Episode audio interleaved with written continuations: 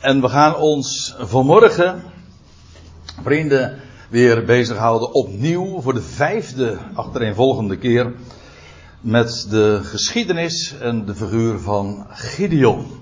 U weet wel, die bijbelse richter en daarover is zoveel te melden. Niet alleen maar de geschiedenis, die voor een deel bekend, maar ook voor een deel erg onbekend is. Maar wat we daarbij vooral ook doen, zoals we, zoals ik zojuist ook al even memoreerde in, eh, in het gebed. Wat we doen is vooral ook onder de oppervlakte daarbij kijken. En te zien welke structuren daar allemaal onder liggen. En hoe alles verwijst, hoe kan het ook anders, naar de redder van Israël. Zoals Gideon er ook een was, maar naar de ware Gideon.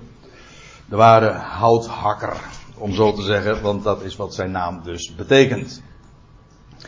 En feitelijk is het zo dat we nu uh, in deze vijfde studie, als u het zo wil noemen, ons gaan bezighouden met de climax van het hele verhaal. Waarom? Omdat nu eindelijk, want het heeft nogal een lange aanloop en iedere keer weer van die onderbrekingen en het, en het hele idee daarachter, daarover heb ik inmiddels al een paar keer wat eh, meer verteld, dus dat ga ik niet allemaal nog een keer herhalen. Maar uh, al die onderbrekingen hebben dus te maken met de, de tegenwoordige tijd. Maar hier vindt dan eindelijk de grote strijd plaats. U moet zich realiseren, dat even voor de goede orde als u nog helemaal niks hiervan gevolgd hebt. Israël was onder de voet gelopen door de Midianieten en diverse andere volkeren ook nog. Maar vooral Midian. En met een enorme overmacht van uh, legerscharen. Die waren allemaal uh, verzameld daar in het noorden van Israël, in die grote vlakte van Israël. En, nou ja, en Gideon wordt geroepen, op een hele bijzondere wijze, om Israël van deze vijandelijke legermachten, die ook het land compleet trouwens ruïneerden, uh, te bevrijden. En dit is dan eindelijk de strijd. Uh, misschien is het goed om even het direct voorafgaande nog uh, te memoreren. U weet, ik kom er straks nog even op terug. Eerst moest, hij, moest Gideon op een bijzondere, merkwaardige wijze zijn leger enorm reduceren tot een legertje van slechts 300 man. En als hij dat gedaan heeft, dan moet hij gaan spioneren, om zo te zeggen. Want voordat Gideon dan optreedt om Israëls vijanden, Midian dus, te verslaan, stuurt God hem in de nacht, stiekem, naar de Midianieten. Opnieuw weer om hem te bevestigen in zijn roeping. En dan wordt uh, al gezegd tegen Gideon, door God zelf, dat hij daar in het kamp van de Midianieten de, een goddelijke boodschap zou vernemen. Waardoor hij uh, zozeer bevestigd zou worden in zijn roeping. Dat hij, voor zover hij het nog niet zeker wist, nu dan toch in elk geval wel. Hij zou daar in het kamp van de Midianieten Gods boodschap vernemen. Dan gaat hij inderdaad met, een, eh, met, zijn, met zijn jongen, lees je dan. Op de details, eh, daar hebben we de laatste keer heb ik, ben ik uitgebreid ingegaan. Maar goed, ik vertel nog even kortweg het verhaal. Dan gaat hij in de nacht inderdaad met zijn jongen, met zijn compaan, naar het kamp van de Midianieten. In de nacht. En daar hoort hij een Midianitische man spreken met zijn naaste. En hij die vertelt van een droom die hij heeft gehad. Van een merkwaardige droom van een gerstekoek die hij zag. En die rolde zo naar de naar de, de grote tent. En vervolgens die gerstenkoek uh, uh, zorgt ervoor dat die, die tent helemaal plat gaat. En omvergeworpen wordt. En dan lees je dat die man die die droom gehad heeft en aan wie hij die droom vertelt, een uitleg daarvan krijgt. Die uit, de opening, zo wordt het genoemd. Eigenlijk is, is het idee, het was een vrucht. Ja, dat, dit was eigenlijk de schil, zeg maar, de vorm. Dit was de wijze waarop er een boodschap verpakt was. En dat wordt nu geopend door die man die die droom aanhoort. En die zegt dan. Dit betekent, die gerstekoek, dat is een beeld van Gideon.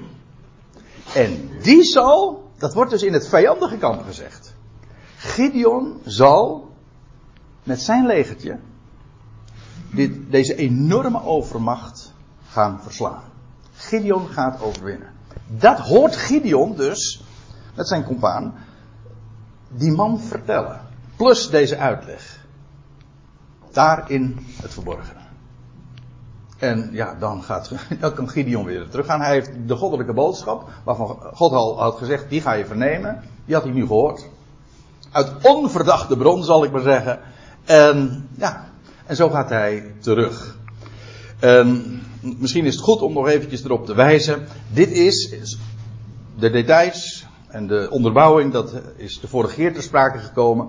Maar de, het is een voorstelling van de tegenwoordige tijd waarin nu, voordat de verlosser van Israël gaat optreden, straks in, in, de, in de parousia. En straks dat hij zal uh, de strijd zal gaan aanbinden en zijn koninkrijk hier op aarde zal gaan vestigen. Voordat hij dat doet, gebeurt er onder de natieën iets in het verborgene. Dat, is een, dat spreekt van de tegenwoordige tijd, waarin s'nachts, via een droom, door een enkeling, gesproken wordt van de verlosser van Israël. En dat is eigenlijk wat er vandaag dus uh, ook gebeurt. Alles gaat in het verborgene, niks aan publiek, dat straks. En uh, het, het, gebeurt ook op een, op een hele verborgen wijze. Een, een droom die een, een betekenis heeft. Maar dat is nou zo typerend voor de tegenwoordige tijd. De verlosser moet nog gaan optreden. Hij zal zich aan publiek ook gaan bewijzen. Maar nu is het alleen nog maar een enkeling die op de hoogte is onder de natieën. Dat is grappig hè. Niet, hij hoort deze droom niet van iemand daaronder in het Israëlitische kamp. Nee, hij hoort het onder de natieën. De, de niet-Israëlieten. Daar verneemt hij s'nachts, stiekem, incognito, de boodschap die God te melden heeft. Namelijk wie de verlosser is. En ja, dat is dus niet iets wat, uh, wat algemeen bekend is. En je kan, en dat is eigenlijk bijzonder hoor, als je daaraan denkt. Ik bedoel, de, de, de Bijbelse boodschap is zo fenomenaal, zo groot, zo wonderbaarlijk als het in elkaar steekt, maar ook zo heerlijk. En het eigenaardige is, je kan het van de daken schreeuwen en het blijft Het is een enkeling die het oppakt. Waar de ogen van geopend worden. Zo is het. Er gaat niks mis, maar dat, dat is ook de bedoeling. Het is nu niet de tijd dat alles in de openbaarheid komt. Dat is straks. En dan kun je zeggen, ja, dat is een eenzame gebeuren. Je, ja, met wie kon die Midianitische man die die droom gehad had, dat delen? Nou ja, met zijn naaste, hè? dat wel. Maar hij kon het natuurlijk niet vertellen daar in het kamp uh, van de Midianieten. Daar zouden ze het, uh, als hij het al verteld zou hebben, dan zou hij alsnog gewoon genegeerd worden je denkt toch zeker niet. Hoe onwaarschijnlijk was het trouwens ook niet, hè? Want hoe was het ook alweer? Die overmacht, we, hadden, we hebben de vorige keer nog eventjes die rekensommetjes op een rijtje gezet. Die overmacht van de Midianieten was gigantisch. Uh, als ik me het goed herinner, 132.000 man. Ik kan er duizend naast zitten, maar goed. Iets in die. Dat was een gigantische legerschade. Maar tegenover. Nee, het was niet 132. 100. Hè? Nee, het waren 32.000 Israëlitische mannen. Maar dan moet. Uh, zijn, nou, laat ik, laat, ik, laat ik meteen eventjes dan ter, eh, zake komen. Hoe, uh, het was in ieder geval veel meer dan 100.000 man. Maar in ieder geval, dan lees je, en laat ik dan meteen maar het verhaal binnengaan. Dan komen we meteen ook op, op, ja, op Gideons strijdmacht. Tussen aanhalingstekens, want het is nauwelijks een strijdmacht te noemen, namelijk. Dan staat er, hij, hij, Gideon, verdeelde, nadat dit dus gebeurd was, hè, van die droom enzovoort, en dan komt hij in de, weer in de lege plaats. Nou, en dan, dan lees je, en hij, Gideon, verdeelde de 300 man. U weet het, hè? Want uh, hij had een leger, ja, zo was het. Hij had een leger van 32.000 man. Tegenover dus die, die overmacht die ik geloof vijf keer zo groot was. Maar God zegt, nee nee, dat leger van jou Gideon is veel te groot. is belachelijk. Eigenlijk. Als, als je het in strategische, militaire termen bekijkt, zeggen van, wat God zegt, dat is dwaas. Hou hem even in gedachten. Daarom is het ook, uh, daarom kun je met dat wat wij uh, te melden hebben in de wereld feitelijk niet aankomen, want uh, ja, het is dwaas in de ogen van de wereld. En feitelijk, vanuit hun wijsheid bezien, hebben ze nog gelijk ook. Het is, het is bizar. God zegt, jouw leger is veel te groot. Terwijl het veel kleiner was dan, dan, dan, de, dan de, de vijandelijke mogendheden. Maar dan moet hij zijn leger reduceren van 32.000 man. En iedereen die bang is, kun je je voorstellen, dat zijn er heel veel geweest hoor. En, en die, met reden, die bang waren. En iedereen die bang was, of op een of andere manier sidderde, hoe staat het er precies, bibberde, voor, voor, voor, de, voor die vijand, die mocht naar huis toe gaan. En dan, blijven, dan gaan er 22.000 mensen, mannen, strijdbare mannen, gaan weg. Die zien die strijd gewoon niet zitten. En dan blijven er nog 10.000 over. Dat is wel heel erg klein ten opzichte van de vijandelijke overmacht. Maar God zegt, nee, dit is veel te groot. Uh, ga nog eens wat doen.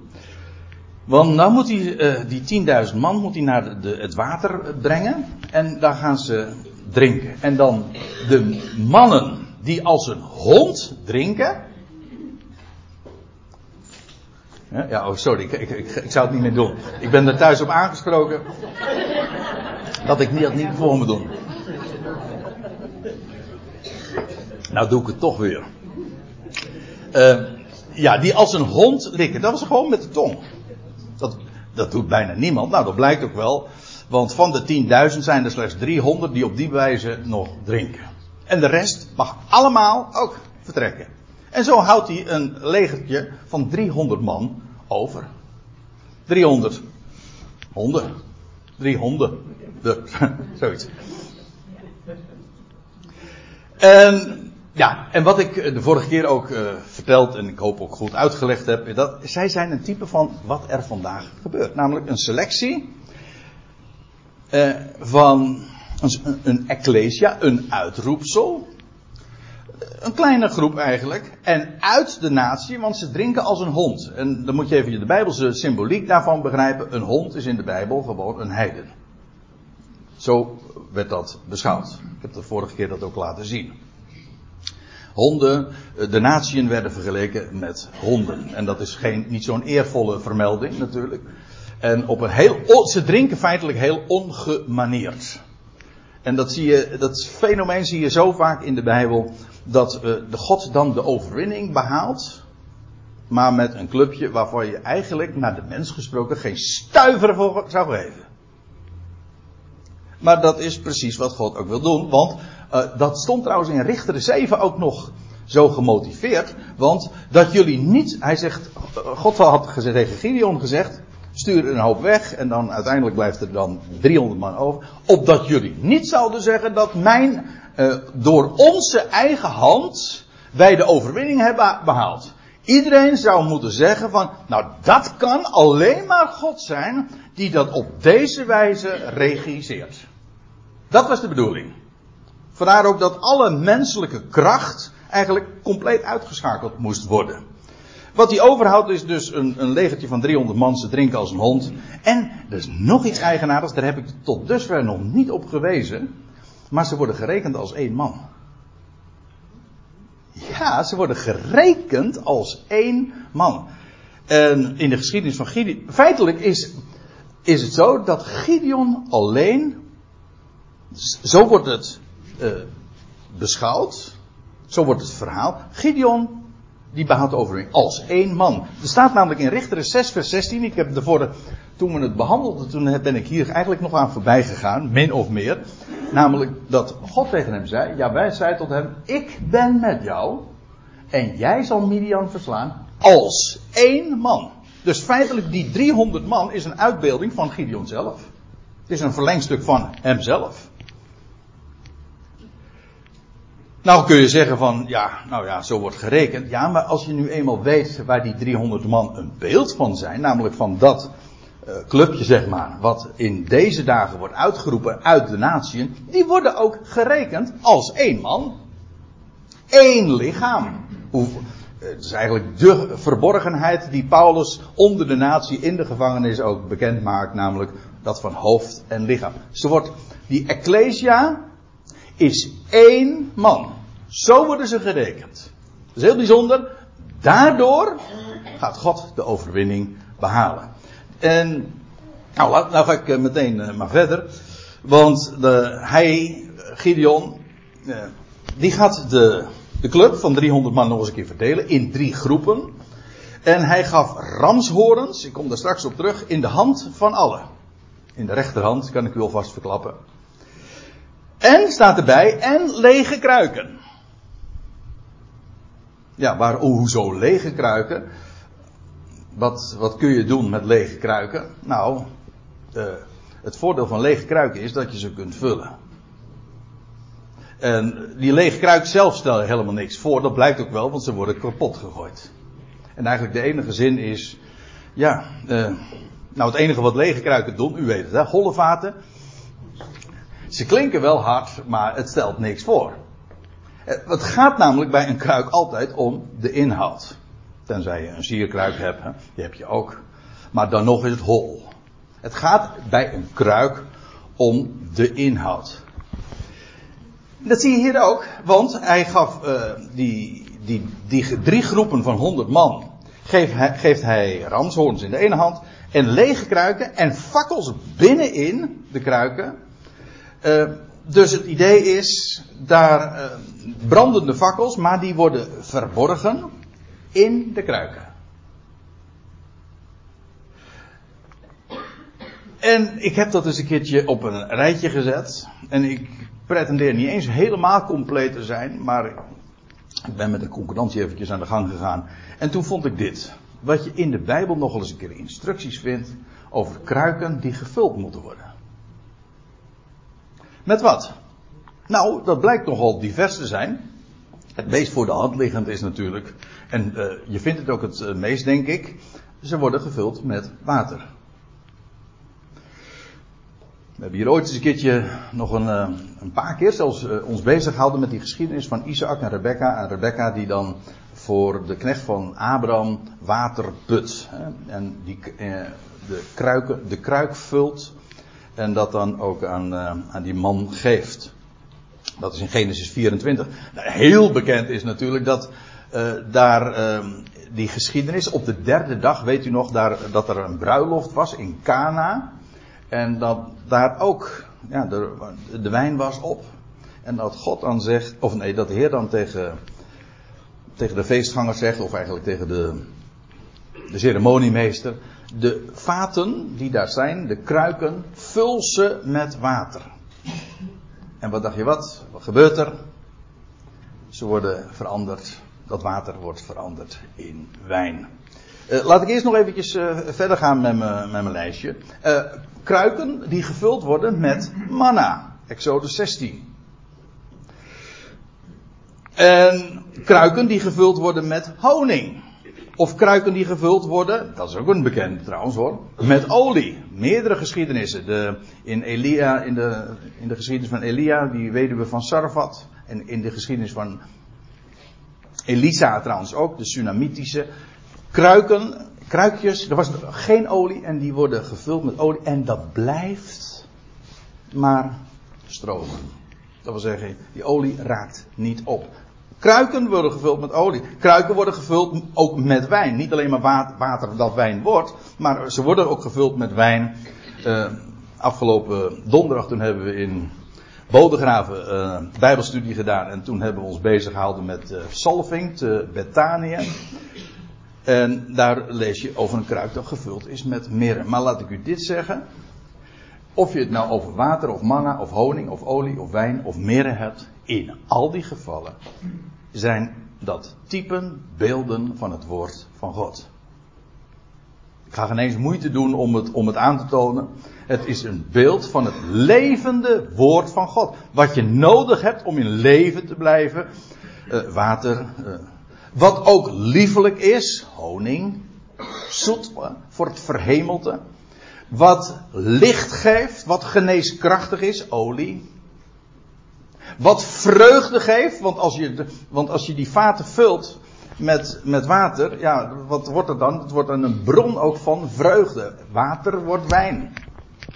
Mirre, die is misschien iets moeilijker, maar het spreekt ook, zoals we donderdag dat hebben overwogen en uh, nader hebben bezien, het spreekt van leven uit de dood. Maar dat is het levende woord van God altijd. Het woord van God is levend. Het spreekt namelijk van leven dat sterker is dan de dood.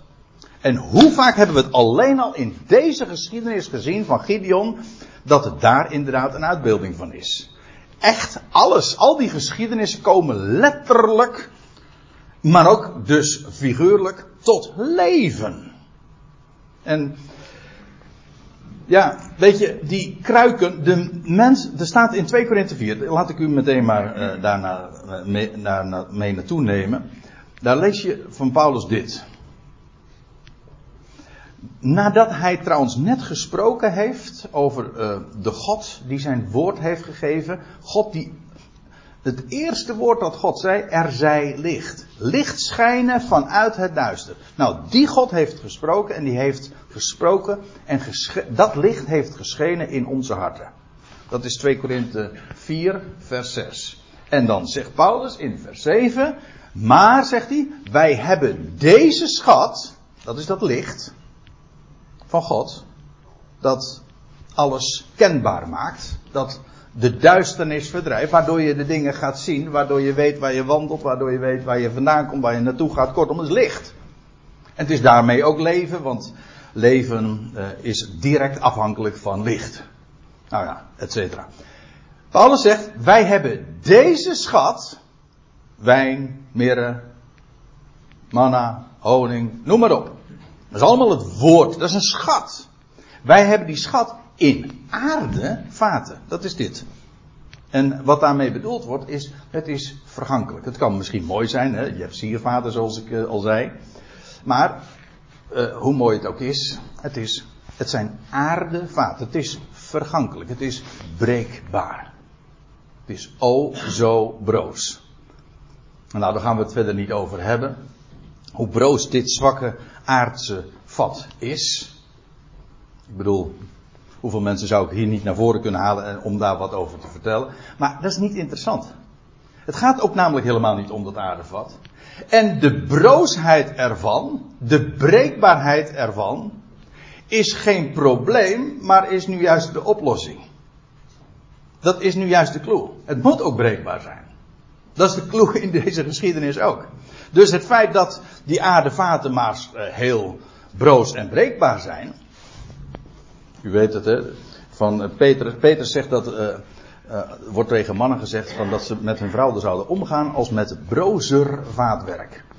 En afgelopen donderdag hebben we al even overwogen en gememoreerd dat daarmee dus de mannen worden aangeduid als het broze vaatwerk. En vrouwen nog brozer zeg maar. Maar we zitten allemaal in hetzelfde schuitje. We zijn allemaal gewoon broos. Breekbaar. Brr, breekbaar, ja. En Paulus zegt, wij, maar wij hebben een schat. Al is het in aardevaten. Hij zegt, zodat de kracht die alles te boven gaat, dat is die schat. Dat is dat licht. Dus, dat is ook nog eens een keer een enorme bron van kracht zodat de kracht die alles te boven gaat van God is en niet van ons. En dan gaat hij uitleggen, eigenlijk ook min of meer illustreren, hoe broos en hoe zwak dat aardse vat is. Hij zegt, in alles zijn wij in de druk, maar niet in het nauw. Om raad verlegen, maar, en toch niet radeloos. Vervolgd, maar niet verlaten. Ter aarde neergeworpen, maar niet verloren. Kijk, hier zie je dat contrast op allerlei manieren geschilderd. Aan de ene kant dat, dat breekbare, dat broze, dat aardevat. Aan de andere kant die schat die maakt dat het alles. Uh, ja, dat is de kracht die alles te boven gaat. Het gaat namelijk om de inhoud. En dat verdwijnt niet. En daarom is het het meest nuttige. Iedere keer als je in de Bijbel leest over de instructies in verband met aardevaten, met kruiken, is altijd vulze.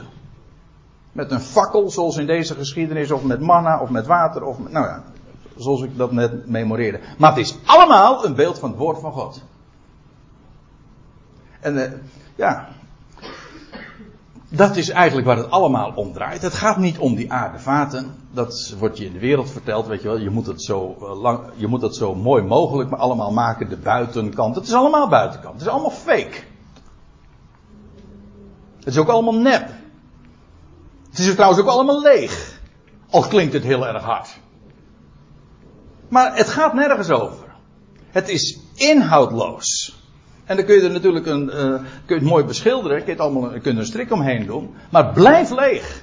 Waar het om gaat, is dat die vaten, die aardevaten, die toch hoe dan ook uh, op een end lopen. En dan kun je natuurlijk, uh, dan kun je alle mogelijke toeren over uithalen om dat dan toch maar een beetje te verhullen. Die breekbaarheid en die broosheid en dat, die vervallende schoonheid. En je kunt er je voor laten opereren en dergelijke. Maar het, is, het gaat nergens over, want uiteindelijk heb je toch het nakijken. Het blijft een aardevat. Je moet dat, elk mens moet het toch vaststellen. Het is gewoon sterfelijk. En wat is het dan geweldig als je weet van ja, maar wij weten van woord dat leeft. Levend woord, vul je daar maar mee. En het, een, een mens komt er een keer achter hoe enorm waardevol dat is. Want je, dit aardse stelt altijd teleur. Hè? De, het boek Prediker gaat, begint daar zelfs mee. Hè? Ijdelheid der ijdelheden. Weet je wat ijdel eigenlijk betekent? Leeg. Dat is gewoon een kruik. We zijn leeg. En alles is leeg. En dat je daar zo tegen oploopt. Ja, tegen die breekbaarheid bedoel ik. Want dat is onvermijdelijk namelijk. En wat is het geweldig als je dan weet hebt. En dan weet het van die schat. Werkelijk een schat. Van licht, van manna, van honing.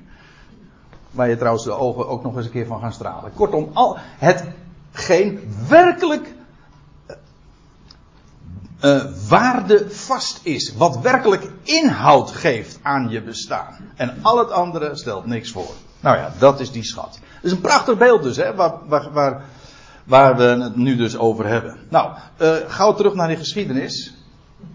Uh, want er staat er, en hij zei tot hen, hij Gideon, ziet naar mij en doe al zo. Zij moeten gewoon een kopie worden van hen, hem. Als één man. Hè. En zie, als ik, als ik kom aan de rand van de legerplaats.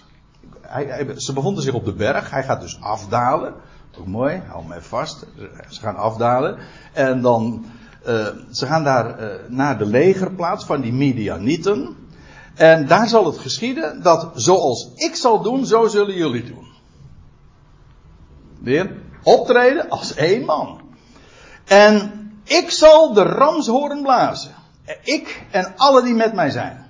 En dan zullen jullie ook de ramshoorns blazen rondom heel de legerplaats. Vandaar ook dus dat hij het uh, verdeeld heeft over drie groepen. Een groep hier, een groep daar. En zo dat ze de hele legerplaats omzingeld is door een clubje van drie keer honderd man. Meer niet. En jullie zullen dan zeggen, voor Yahweh en voor Gideon. Yahweh behaalt de overwinning en hoe doet hij dat? Door Gideon. Waarvan die 300 man gewoon ook een verlengstuk zijn. Hè? Ja, ik zeg weer, als één man. Slechts één man wordt genoemd.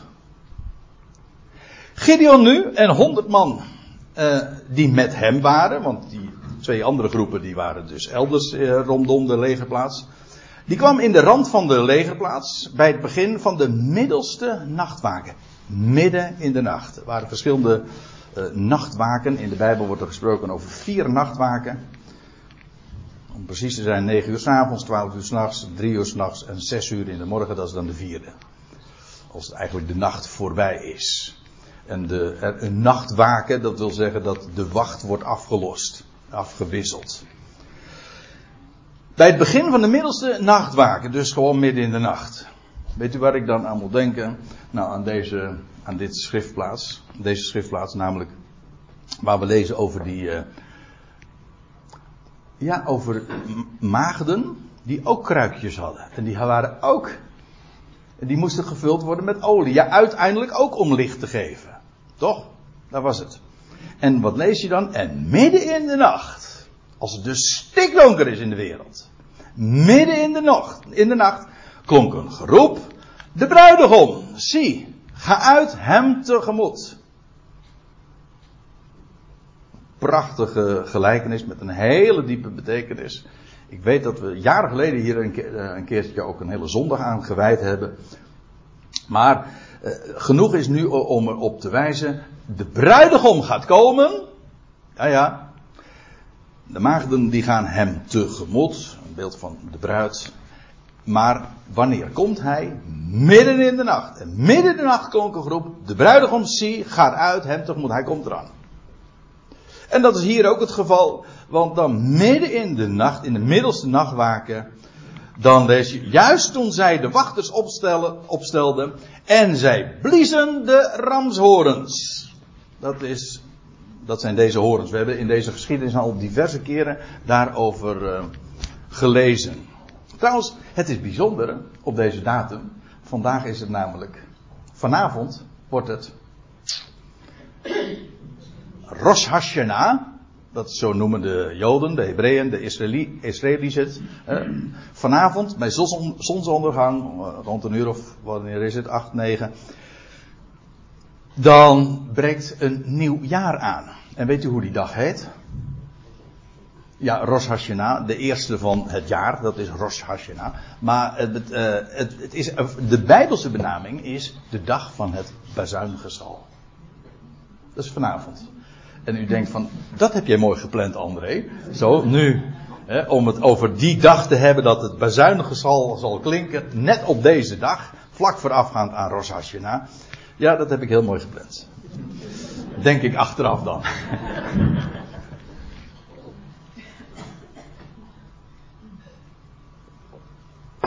Want het, uh, het kan u toch moeilijk ontgaan zijn dat het bazuingeschal, maar eigenlijk de bazuin, dat is eigenlijk niet, denk je niet zozeer aan een trompet, maar je denkt aan zo'n ramshoren. Ram die geslacht is, die dood is, maar die niettemin na zijn sterven alsnog geluid voortbrengt. En die ramshoren werd gebruikt ja, als aanhef van de strijd, maar ook om het volk te verzamelen. Het had diverse functies, maar in ieder geval om een hoop herrie te maken.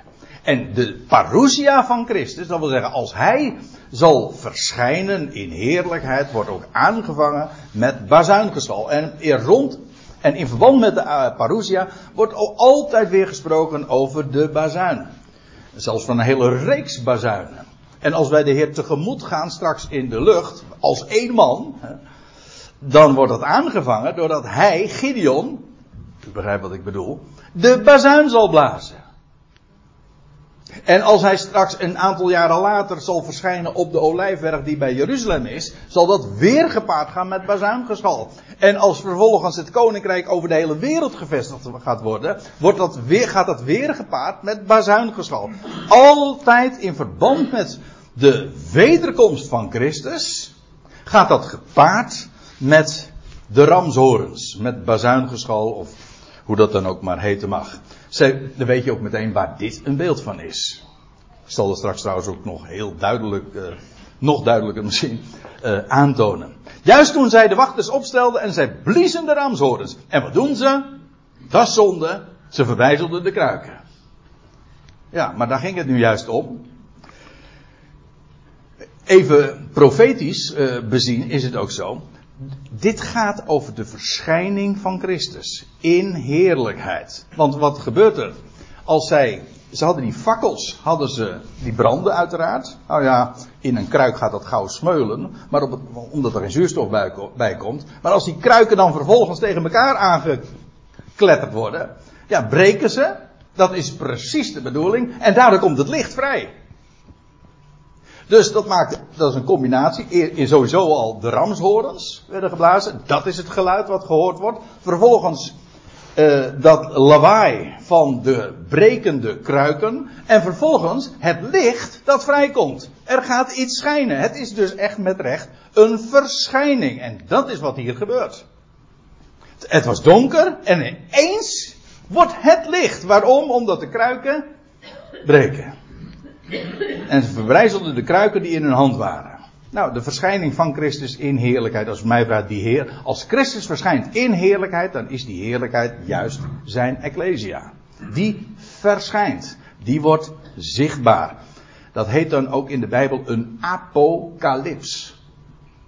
Zo, dat is de naam van het laatste Bijbelboek en dat wordt dan genoemd de openbaring, maar apocalyps, apo dat is eigenlijk een voorzetsel, het betekent iets wegnemen.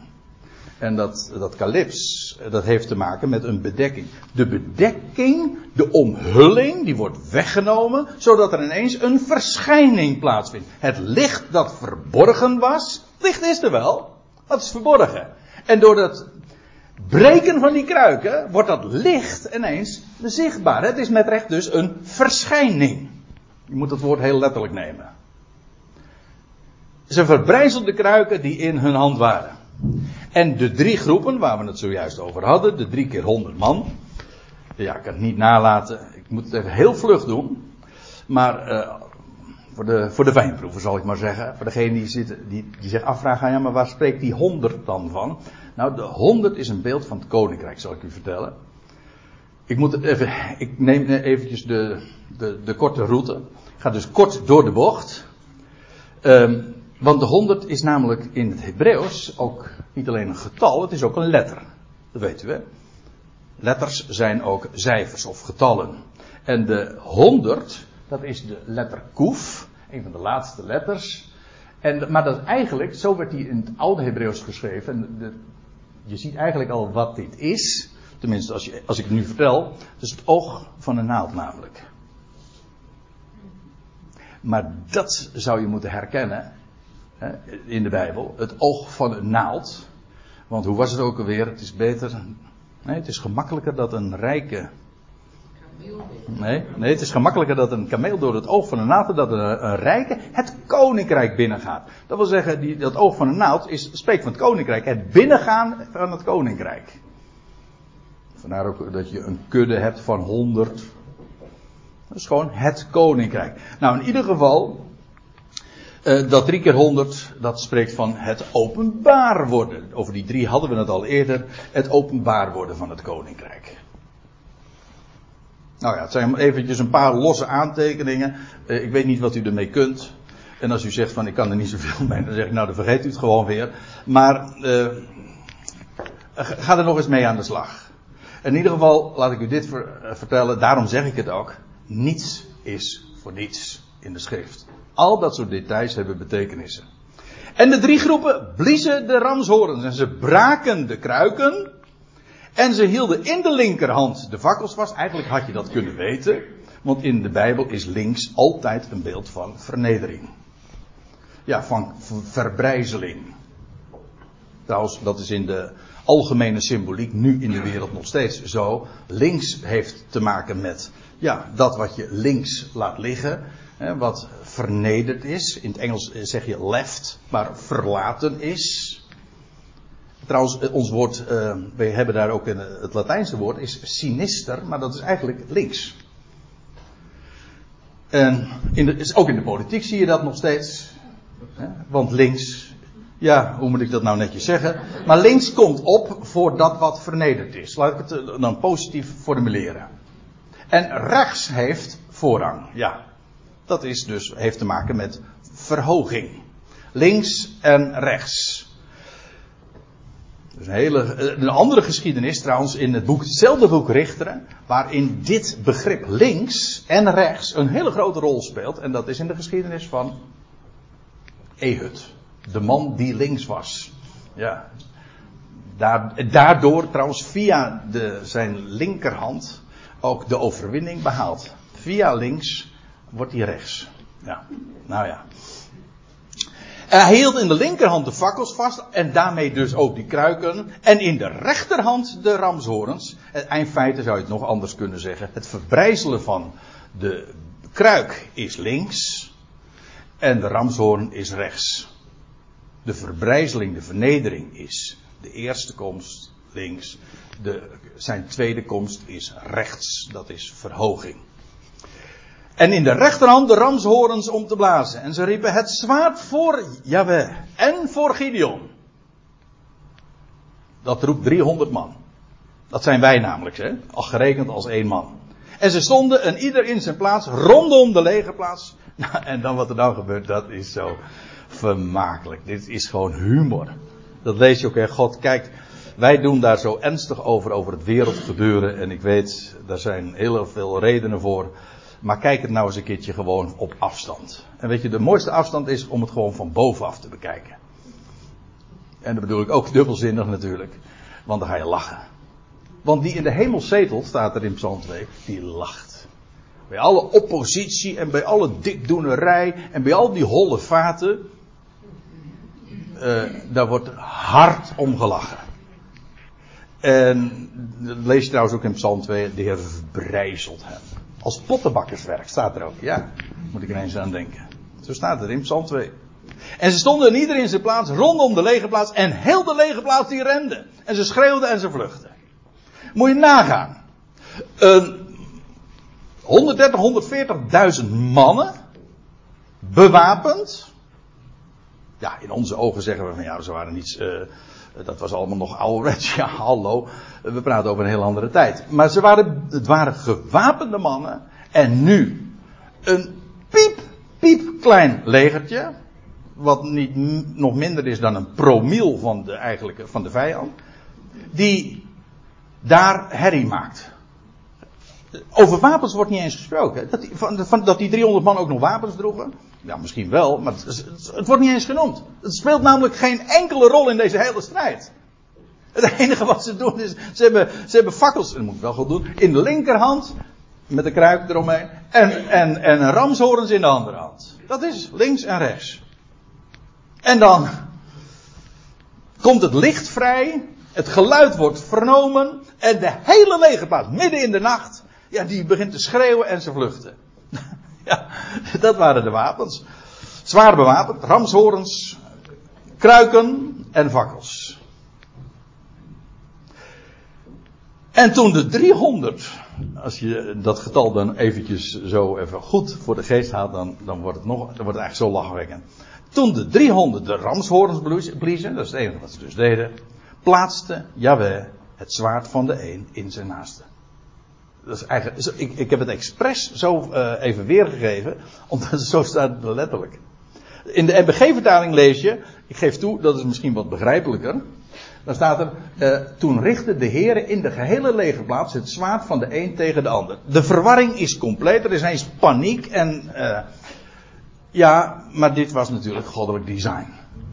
Dat, wat er dan gebeurt, er zijn trouwens meerdere voorbeelden van in de Bijbel dat het iets soortgelijks gebeurt. Ineens de verwarring is compleet. En in plaats van dat ze gedood worden en bestreden worden door de tegenstander, doen ze het zich eh, elkaar onderling aan. De een tegen de ander, complete paniek. En ze richten het zwaard. De een, er staat letterlijk heel, heel plastisch, uh, plaatste Jaweh, dat weet je meteen uh, wie, wie, het doet, het zwaard van de een in zijn naaste. Dus, zo staat het beschreven. Oké, richtte de Heer de gehele legerplaats het zwaard van de een tegen de ander. Jawel, maar het staat er nog, het staat er nog sterker dus. Zo gebeurde het.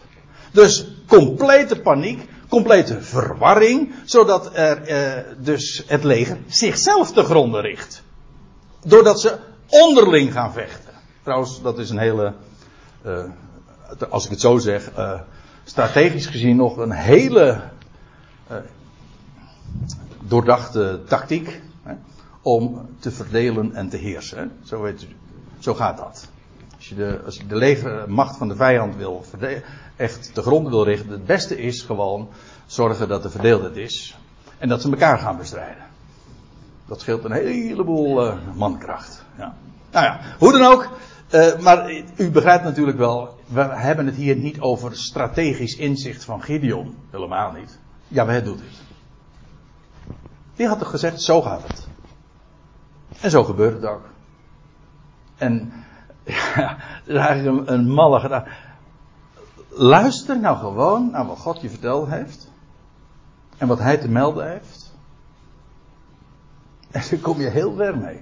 Hoe dwaas het ook is in de ogen en de oren en de beleving en de perceptie van de mensen. Dat laat ik, laten we er op voorhand van uitgaan en er ook op voorbereid zijn dat dat dwaas is in de ogen en in de oren en, in de gedachten van de mensen. Dus probeer niet acceptabel te zijn voor je omgeving. Dat kun je wel shaken. Dat zo gaat het niet. Je moet er dus eigenlijk ook. Uh, uh, je moet er dus ook uh, vrede mee hebben om een beetje als een dwaas en als een gek in deze wereld versleten te worden. Ik weet niet of ik het helemaal goed zeg, maar daar komt het toch eigenlijk op neer. Aangenaam. Ja? Daar zitten we, 300 gekken.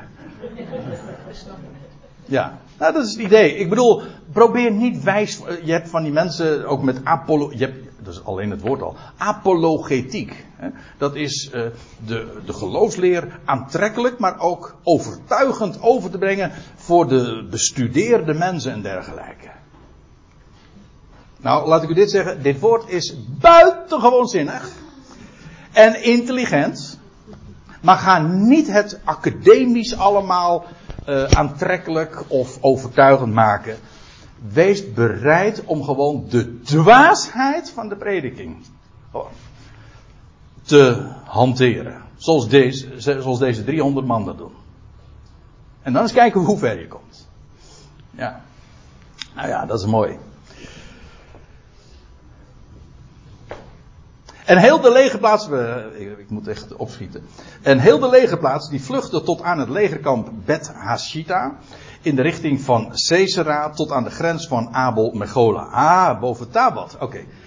Denkt u nu meteen. Nee, natuurlijk, al die plaatsnamen. Die uh, verwijzen allemaal. En ik ga nu niet de moeite doen, want dat is een verhaal apart. Uh, om ze aan te wijzen. Uh, doet ook niet zo te zaken. Het zijn allemaal, allemaal plekken vlak bij de Jordaan. En dan staat er, toen werden de mannen van Israël bijeengeroepen. Ja, die mannen die dus allemaal al weggestuurd werden, waren. Nu is de overwinning eigenlijk behaald. Alleen, nu vlucht het leger.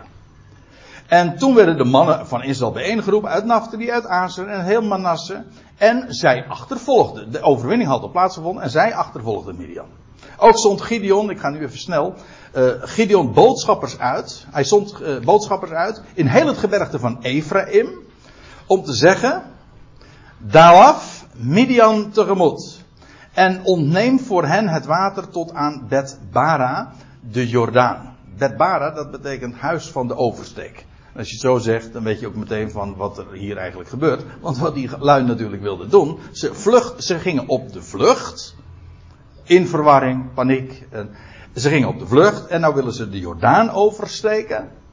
Maar nou krijgen die Ephraimieten, de boodschap verhindert dat. Dat ze niet kunnen oversteken daarbij de Jordaan. En u weet waar de, het oversteken van de Jordaan een beeld van is. Ja, hoe vaak uh, vind je dat niet in de schrift? Dat je door de Jordaan gaat. Het is, een, is zo'n bekend beeld van de opstanding. De Jordaan als een beeld van de dood. De doodsjordaan. En je gaat door de Jordaan. Door de dood. En dan kom je aan de andere kant van de Jordaan. En dat is, ja, als je door de dood heen gaat, dan kom je inderdaad in het leven. En het spreekt dan inderdaad ook van. De doortocht door de Jordaan spreekt van opstanding. Heb je hem weer? Nieuw leven.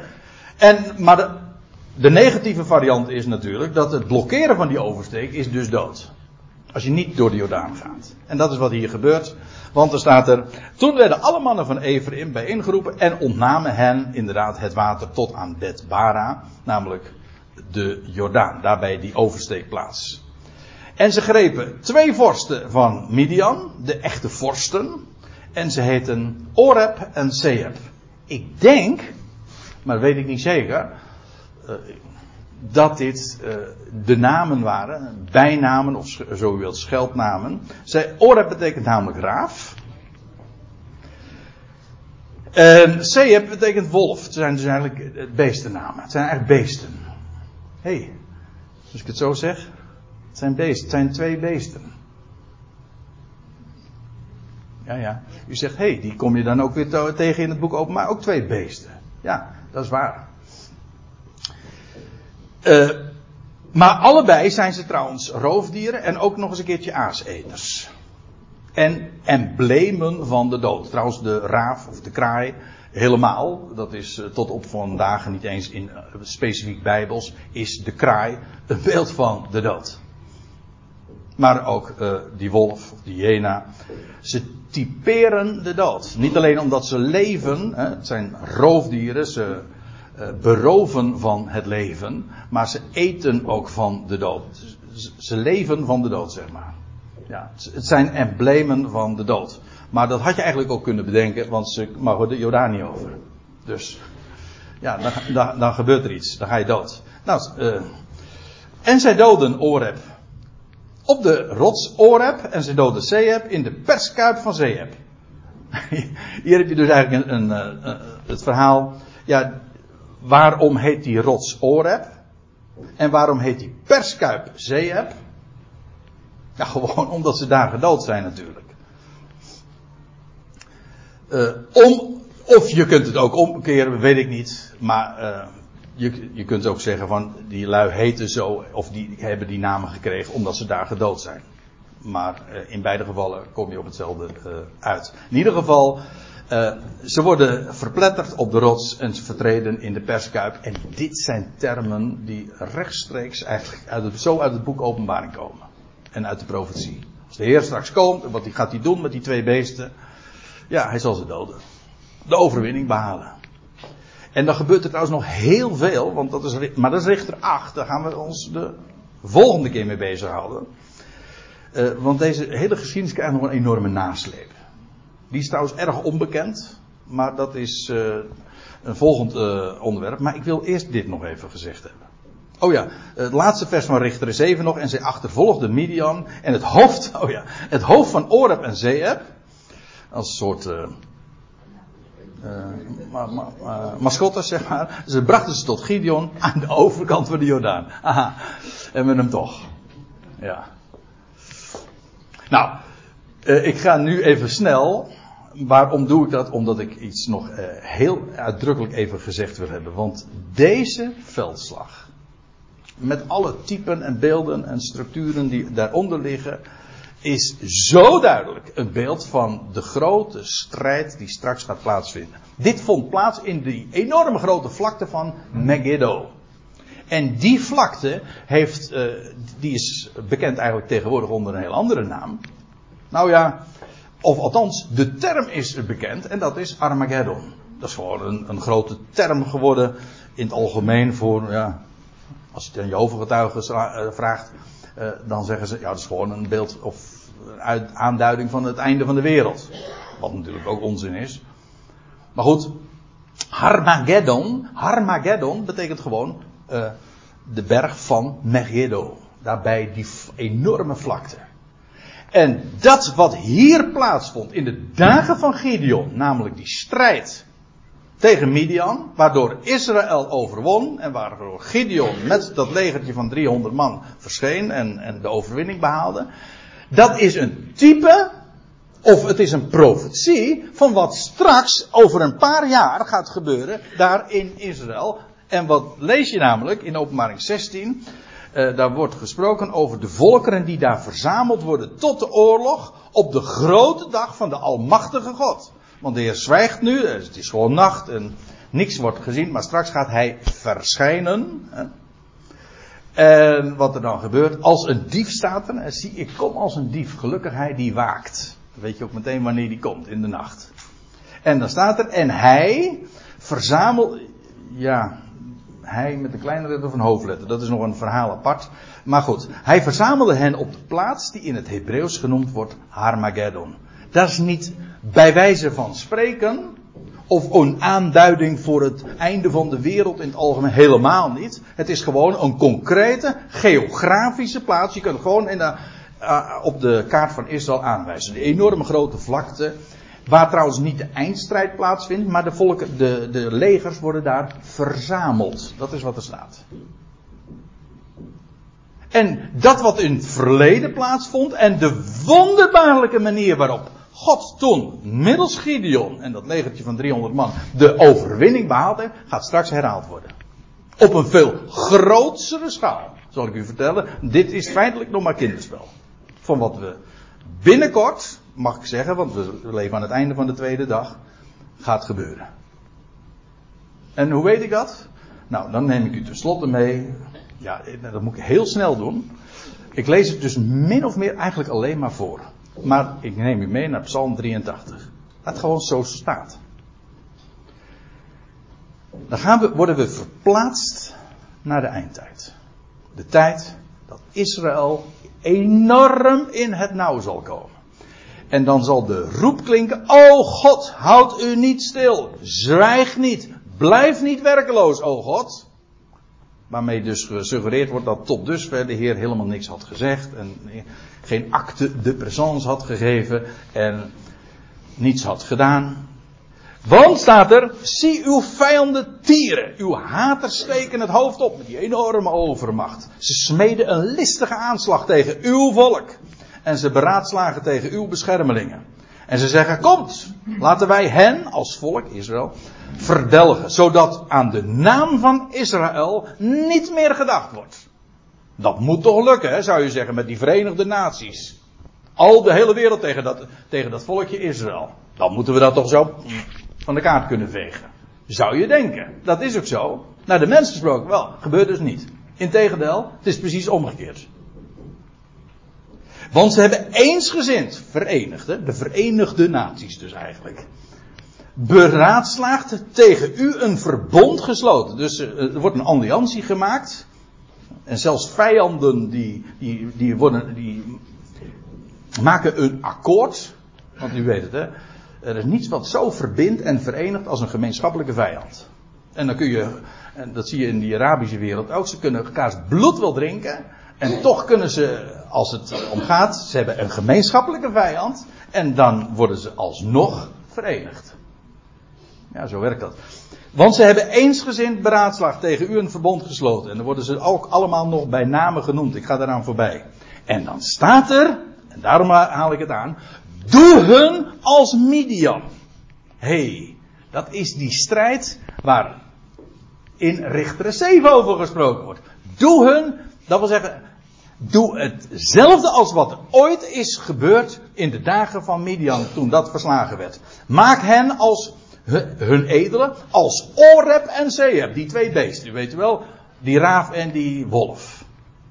Als Sebach en Salmuna al, hun vorsten. Dat zijn ook nog, die komen we straks in Richter 8 nog tegen, die twee eh, gasten. Ook houten methode, zeg maar, in die Midianieten. Dus dat wat in het verleden heeft, is, heeft plaatsgevonden, gaat in de toekomst alsnog een keer gebeuren. En wat dacht je wat? Zelfs op dezelfde locatie.